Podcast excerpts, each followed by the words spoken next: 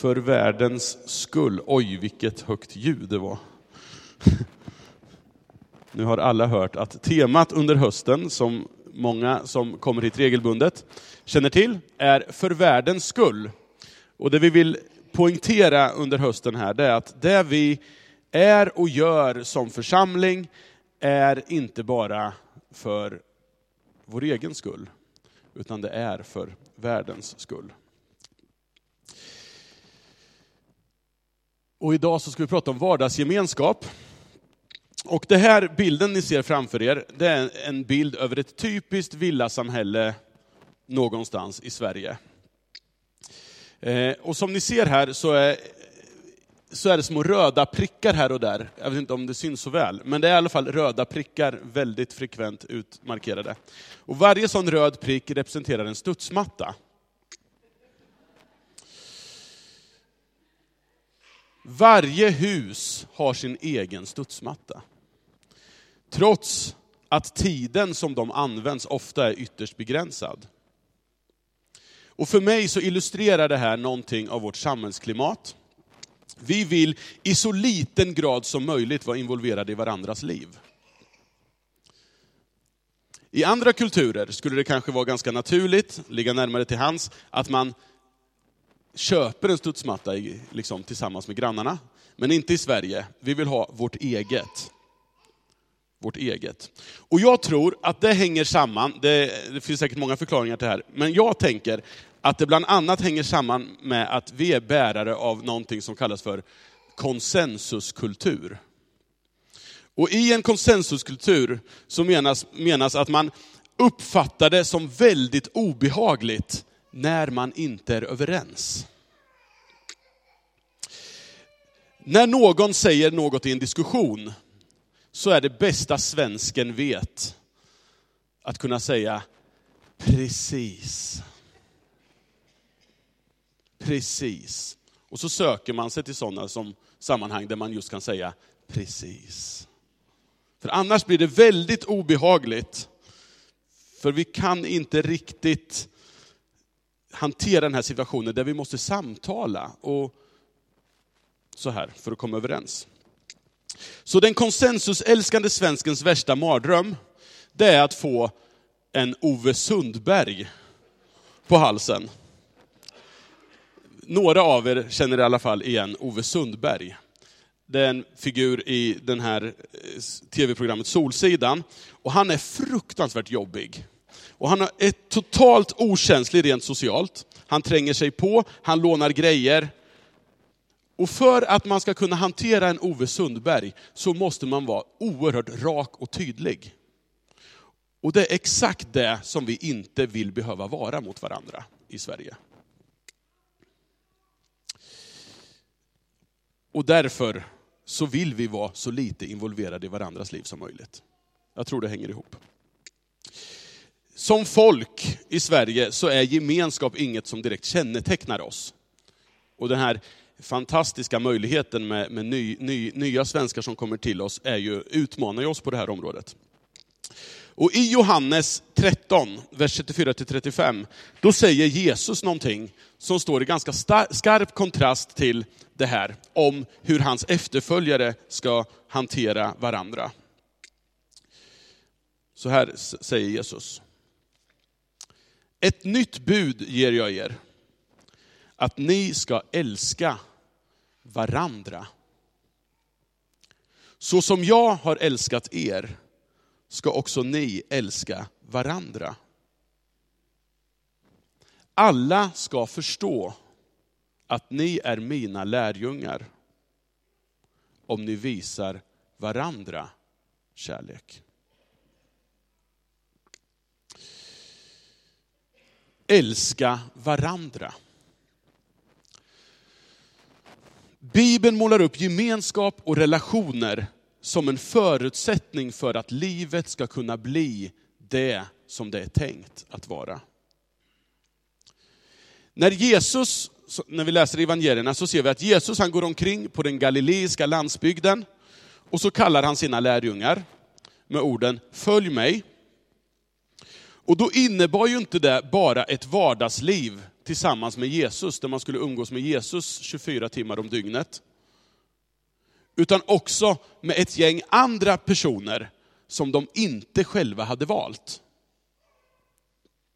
De tolv lärjungarna, om de skulle umgås med Jesus, var alltså också tvungna att stå ut med varandras dåliga skämt, varandras sociala okänslighet, varandras fotsvett, varandras snarkningar, allt det där som det handlar om att leva i vardagsgemenskap.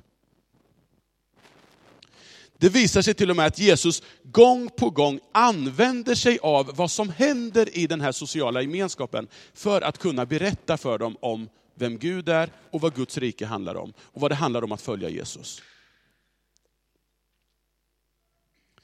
Att stå ut med varandra i vardagen, det var alltså inte bara ett nödvändigt ont, även fast de själva nog ofta tyckte så. Utan den formande gemenskapen som man utgjorde runt Jesus var en förutsättning för att kunna följa Jesus och vandra i lärjungaskap och kunna växa och mogna. Och det är ju de här lärjungarna som verkligen delar livet med varandra, som Jesus riktar de här orden om att älska varandra till. De hade med varandra att göra jämt och de uppmanas, älska varandra. Förutsättningen för kärlek, det är ju gemenskap och relationer. I till exempel bergspredikan, som är det längsta talet av Jesus, vi hittar i evangelierna i Matteus 57, då förutsätter Jesus utifrån det han säger, att hans åhörare lever ett gemensamt liv. Ett synligt liv tillsammans, som inte bara är knutet till två timmar i veckan. När vi läser Nya Testamentet ser vi också att ordet varandra förekommer väldigt frekvent. Och inte, inte bara i relation till de här tolv lärjungarna som Jesus umgås med, utan det här är ju en tanke som sen går vidare när vi läser om den första församlingen. Precis som Jesus säger i Johannes 13, så är sättet att vara tillsammans, kärleken dem emellan, det är det som ska vara kännetecknet och attraktionskraften hos de kristna. Några axplock. Visa varandra tillgivenhet och broderlig kärlek. Överträffa varandra i ömsesidig aktning. Romarbrevet 12. Stå inte i skuld till någon, utom i er kärlek till varandra. Romarbrevet 13. Låt oss inte längre döma varandra, Romarbrevet 14. Tjäna varandra i kärlek, Galaterbrevet 5. Ha fördrag med varandra i tålamod och kärlek, Efesierbrevet 4. Lägg därför bort lögnen och tala sanning, var och en till sin nästa. Vi är ju varandras lemmar, Efesierbrevet 4 igen. Var goda mot varandra, visa medkänsla och förlåt varandra. Liksom Gud har förlåtit er i Kristus. Underordna er varandra i vördnad för Kristus. I Efesierbrevet 5. Därför ska ni trösta och bygga upp varandra med dessa ord, så som ni också gör. Var gästfria mot varandra, utan att knota, första Petrusbrevet 4. Men om ni vandrar i ljuset liksom han är i ljuset, då har vi gemenskap med och blodet från Jesus, hans son, renar oss från all synd. Ty detta är budskapet som ni har hört alltid från början, att vi ska älska. Bra. Och detta är hans bud, att vi ska tro på hans son Jesu Kristi namn och älska så som han har befallt oss. Ni är med på noterna här. Ni är med på poängen liksom. Varandra. Det är så det kristna livet tar sig uttryck, med varandra. Du kan inte sitta ensam på en isolerad öde ö och leva ett kristet liv.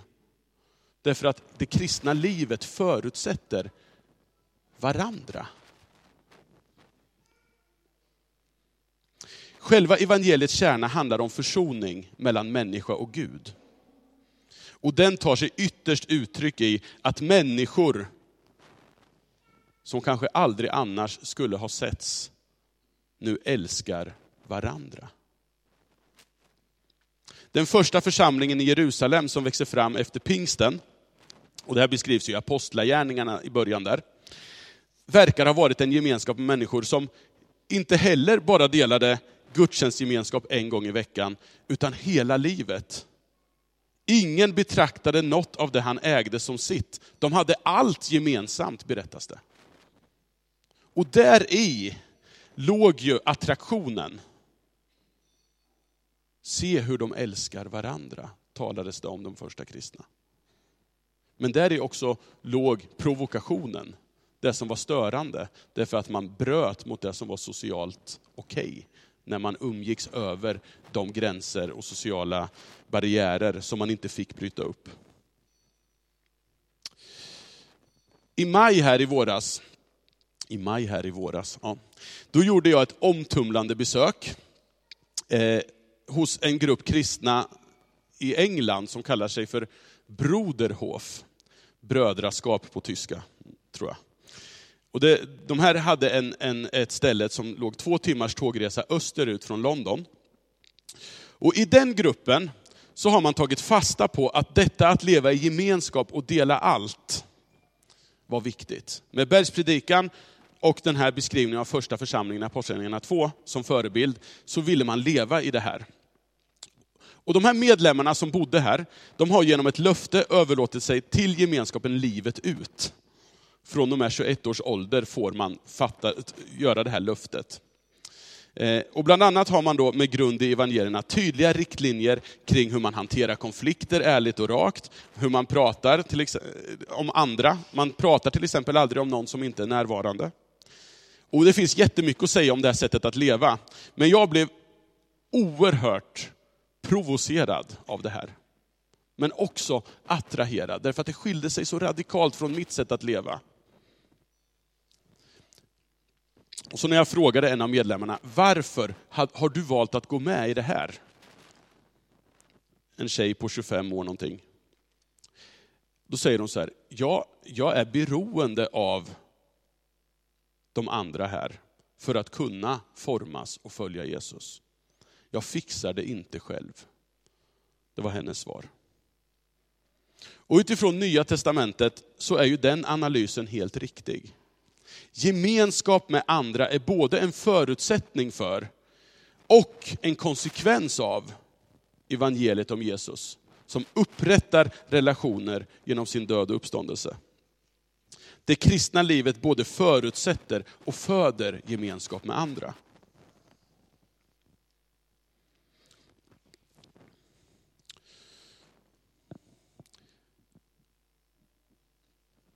Alla ska förstå. 1964 så myntades ett kommunikationsteoretiskt, en, en kommunikationsteoretisk devis som lyder så här.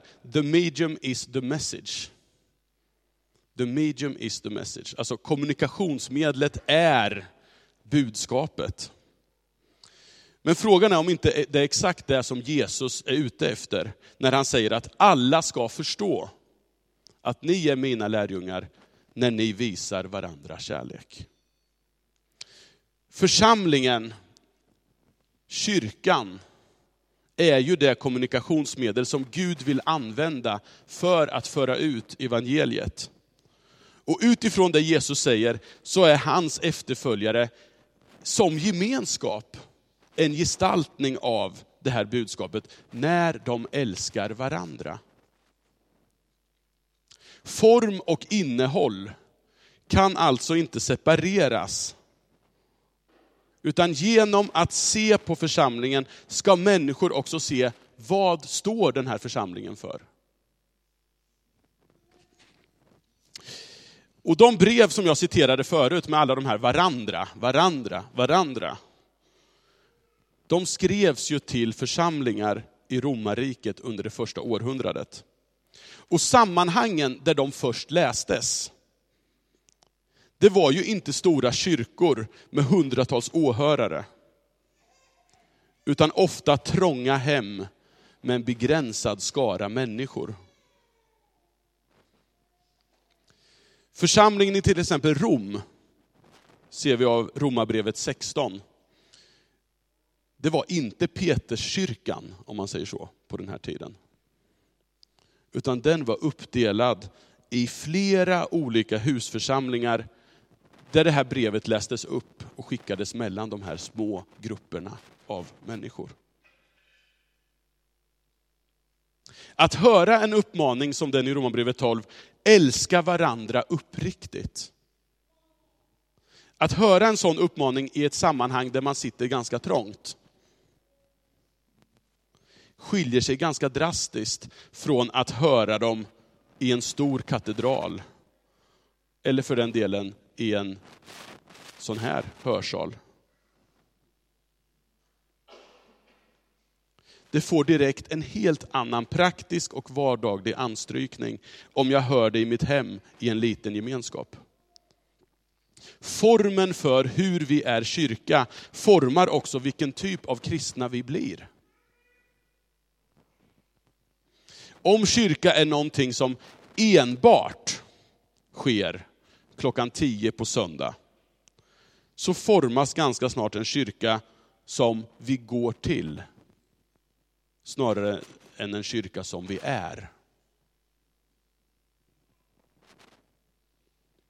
Vi går till kyrkan, deltar i gudstjänsten. Och det här är riktigt bra att göra det. Det, det menar jag. Och det kommer ni ihåg, ni som var med för någon månad sedan när vi pratade om gudstjänsten. Gudstjänsten är superviktig. Men om det bara är det, att vi deltar i gudstjänsten, får del av en monologpredikan så här, fikar tillsammans och sen går vi hem. Nu är vi så pass många som möts här på söndagar, så det är svårt att göra på ett annat sätt än vad vi gör. Men min övertygelse, det är att vi, om vi ska fortsätta vara fler än vad vi, än vad vi kan namnen på, och dessutom vilja bli ännu fler, så behöver vi kompletterande former som hjälper oss att vara kyrka och inte bara någonting som vi går till. Former som gör det än mer möjligt att kärleken oss emellan kan växa och bli synlig. Alla ska förstå, säger Jesus. Och då måste det vara någonting som är synligt. Att vara det vittnesbörd som Jesus säger att den ska vara. Alla ska förstå att ni är mina lärjungar om ni visar varandra kärlek. En mer vardaglig, nära och praktisk gemenskap som gör kärleken konkret är alltså inte bara viktig för vår skull, utan för hela världens skull. Vi bör alltså inte skilja på form och innehåll. Formen för hur vi är kyrka blir också det innehåll som vi kommunicerar. Vare sig vi vill det eller inte. The medium is the message.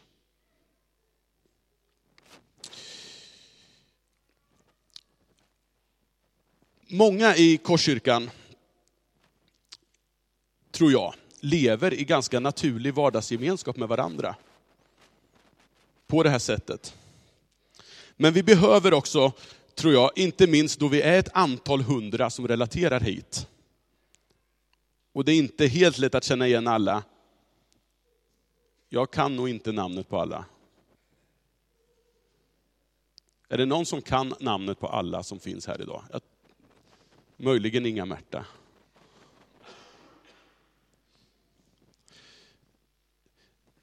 Alltså, vi behöver skapa strukturer så att vi både kan växa i tron och ta emot ännu fler människor. Och i Korskyrkan så har vi en sån struktur.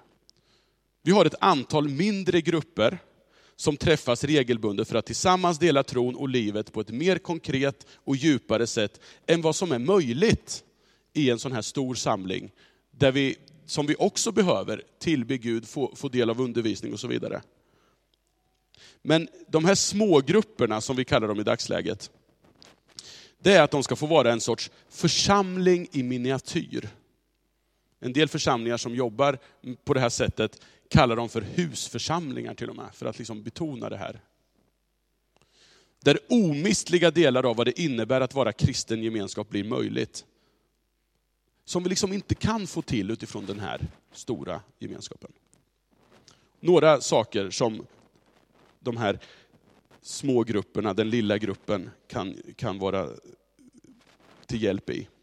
Omsorg. I den lilla gruppen så ges du utrymme att dela med dig av sånt som du bär på.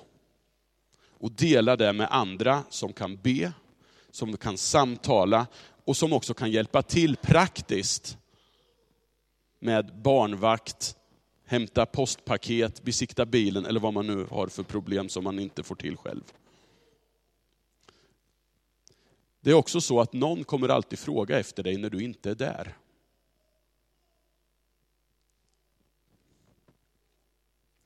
Delaktighet. I den lilla gruppen så får alla utrymme att vara delaktig i samtalet om tro. Vilket med stor sannolikhet var fallet i urkyrkans, de här husförsamlingarna. Där satt man och pratade om, brev, om de här, till exempel de här brevens innehåll man fick. Här kan man bli delaktig i bönen med och för varandra. Genom samtal, resonerande över Bibeln, någon annan bok, eller söndagens predikan för den delen, så kan tvivel också få vädras, frågor ställas, ställas och övertygelser erövras. Här kan det också finnas utrymme att upptäcka och pröva sina gåvor på ett annat sätt än vad som är möjligt här. Överlåtelse och ansvar. I den lilla gruppen blir det kännbart om jag inte prioriterar den. Ja, det ställs på sin spets. Jag behöver gå dit för att det ska bli något. Och här utmanas vi till överlåtelse på ett konkret sätt. Den lilla gruppen kan också komma att användas för att bearbeta saker som rör sig i församlingen. Som vi därmed blir delaktiga i, och med delaktighet kommer också ansvar. Jag hörde om någon grupp som, som träffas här i, i, i församlingen, som har tänkt att göra studiebesök i alla församlingens olika verksamheter för att få lite pejl på vad händer och var kan jag kanske bidra med någonting. Vilken bra grej att göra som, tillsammans som grupp. Kan få ett hjärta för det gemensamma. Respekt. Att mötas i den lilla gruppen och samtala om liv och tro, det gör att vi också övas i att respektera andras åsikter och perspektiv. Vi lär oss att respektera varandra även fast vi inte kan säga precis om allting. Vi lär oss att vara involverade i varandras liv. Flexibilitet. Den lilla gruppen kan anpassa tider, upplägg, efter de deltagandes schema och gemensamma behov. Olika grupper i församlingen träffas olika dagar och med lite olika frekvens beroende på hur man vill ha det. Det finns också en möjlighet att kreativitet frigörs. Hur kan vi i den här lilla gruppen bestämma oss för att göra Norrköping till en bättre stad? Utan att man behöver ta det liksom via ett församlingsmöte och sådana här saker.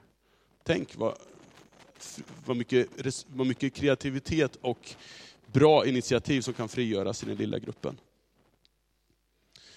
Låg tröskel. En del människor kanske ryggar tillbaka inför en inbjudan till kyrkan.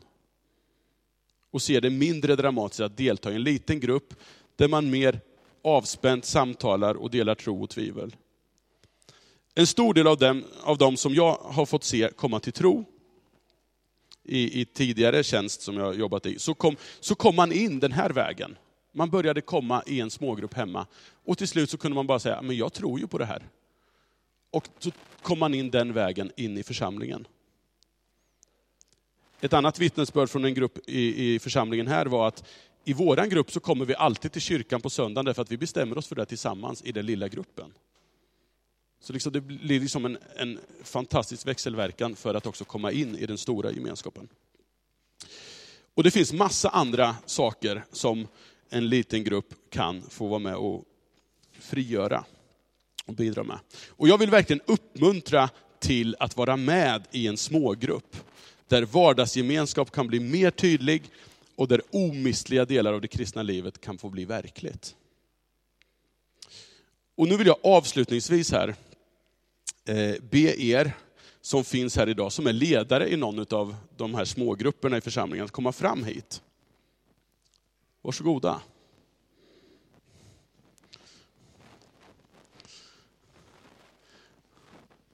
Så ni får lite ansikten på. Så här kan, det, så här kan en ty, typiska smågruppsledare se ut.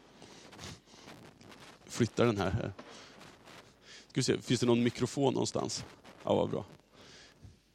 Eh, finns det någon trådlös?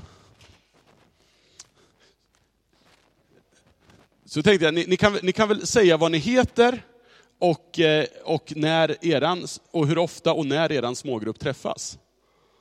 Mm. Jesper Wolter heter jag och eh, våran smågrupp, tillsammans med Hanna, eh, träffas på måndagar eh, varje vecka. Hemma hos oss, halv sju gör vi. Mm. Jessica Sandström heter jag. Vår grupp träffas varannan torsdag halv sju hemma hos varandra. Jennifer Torsi heter jag och våran, ja, min och Jonas eh, grupp, vi träffas varannan vecka och eh, olika dagar. Vi, vi lägger upp ett schema utifrån att vi är några som jobbar kvällar. Så vi träffas ibland tisdagar, ibland onsdagar, ibland torsdagar. Eh, och träffas hemma hos ja, alla i smågruppen. Vi går runt liksom. Ja, Johan Hildor eh, har en grupp tillsammans med eh, Lovisa och eh, ett par stycken andra. Vi träffas varje onsdag eh, och sådär. Vi är inte jättemånga, så ibland så, så går vi hit på onsdagar eh, när det är den här eh, träffen med... Mässan. Ja, precis. Mässan, ja precis. Exakt. Eh, vi har också sagt att vi går till den en, en gång i månaden i alla fall. Eh, och sådär. Annars så träffas vi hos varandra roterande och eh, fikar och samtalar och, och pratar stycken ur Bibeln och ber tillsammans. Och, sådär. och vi träffas klockan sex. Och jag heter Anna-Karin och den gruppen som jag är med i träffas på onsdagar mellan 19 och 21 varje vecka hemma hos varandra.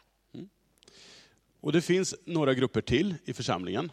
Eh, bland annat finns det en, en grupp eh, med, med, med, några som är lite äldre, som träffas en gång i månaden.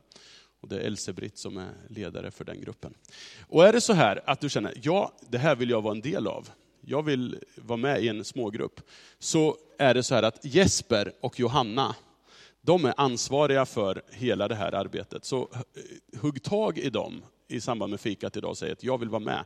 Eller så kan man mejla till smagrupp korskyrkan.se om du inte vill hugga tag i någon idag. Men det här är någonting som vi vill uppmuntra till för att stimulera det här med vardagsgemenskap så att det blir ännu mer av det. Och alla de här grupperna har sagt att vi kan ta emot fler. Så det är inte så att det är fullt i grupperna, utan det finns alla möjligheter att ta emot fler. Och så kan det bli fler grupper, det finns inget stopp på detta. Men vi kan vi inte göra så här att vi ställer oss upp, och så vill jag be Mattias och Charlotte, som är förebedjare idag, att komma fram. Och så kan väl ni be för de grupper som finns och för den här delen av församlingen när det gäller smågrupper och vardagsgemenskap.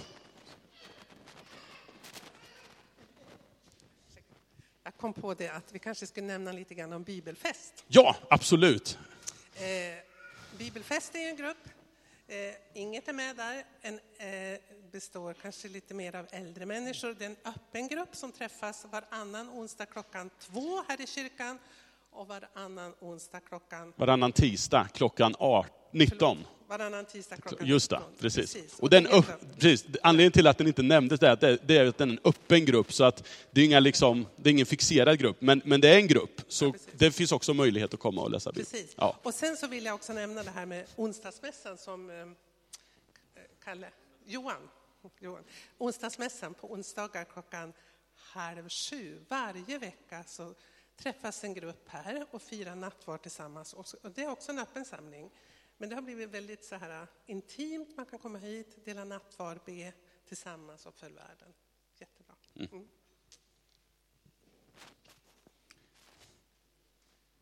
Ja, himmelske far, vi tackar dig för livet. Vi tackar dig för rikedomen i, i relationer och gemenskap och för det du gör i våra liv genom nåden. Och tack för att du vill verka i vardagen, att det är så viktigt att vi, att vi dela livet med varandra, att vi söker dig och låter dig uppmuntra oss och forma oss på olika sätt. Och nu vill jag be om välsignelse över, över alla de här smågrupperna som vi har i församlingen. Och alla de smågrupper som du, du har tänkt eh, att vi borde ha för att kunna ta hand om varandra på ett bra sätt. Ber om alla smågruppsledare, alla de som någonstans kommer att bli smågruppsledare, att du ska välsigna och leda och skydda. I Jesu namn. Amen. Tack Herre för möjligheten till att vara med i en smågrupp som ju är helt fantastisk. Att få dela livet med varandra, få uppleva gemenskap med varandra som bröder och systrar. Och att få öppna våra hjärtan för dig, Herre, och ta emot det du har att ge i en liten grupp och att få samtala om tron tillsammans. Jag ber att du ska välsigna alla grupper som finns idag och beskydda dem, Herre, beskydda deras gemenskap. Och jag ber om frimodighet i grupperna, att våga berätta om det man bär på. Eh, också mod att vägleda varandra enligt ditt ord, Herre. Vi ber om beskydd för alla ledare som har ställt sig till ditt förfogande. Kom med inspiration och uppmuntran och led dem, Herre. Vi ber om det i ditt namn. Amen.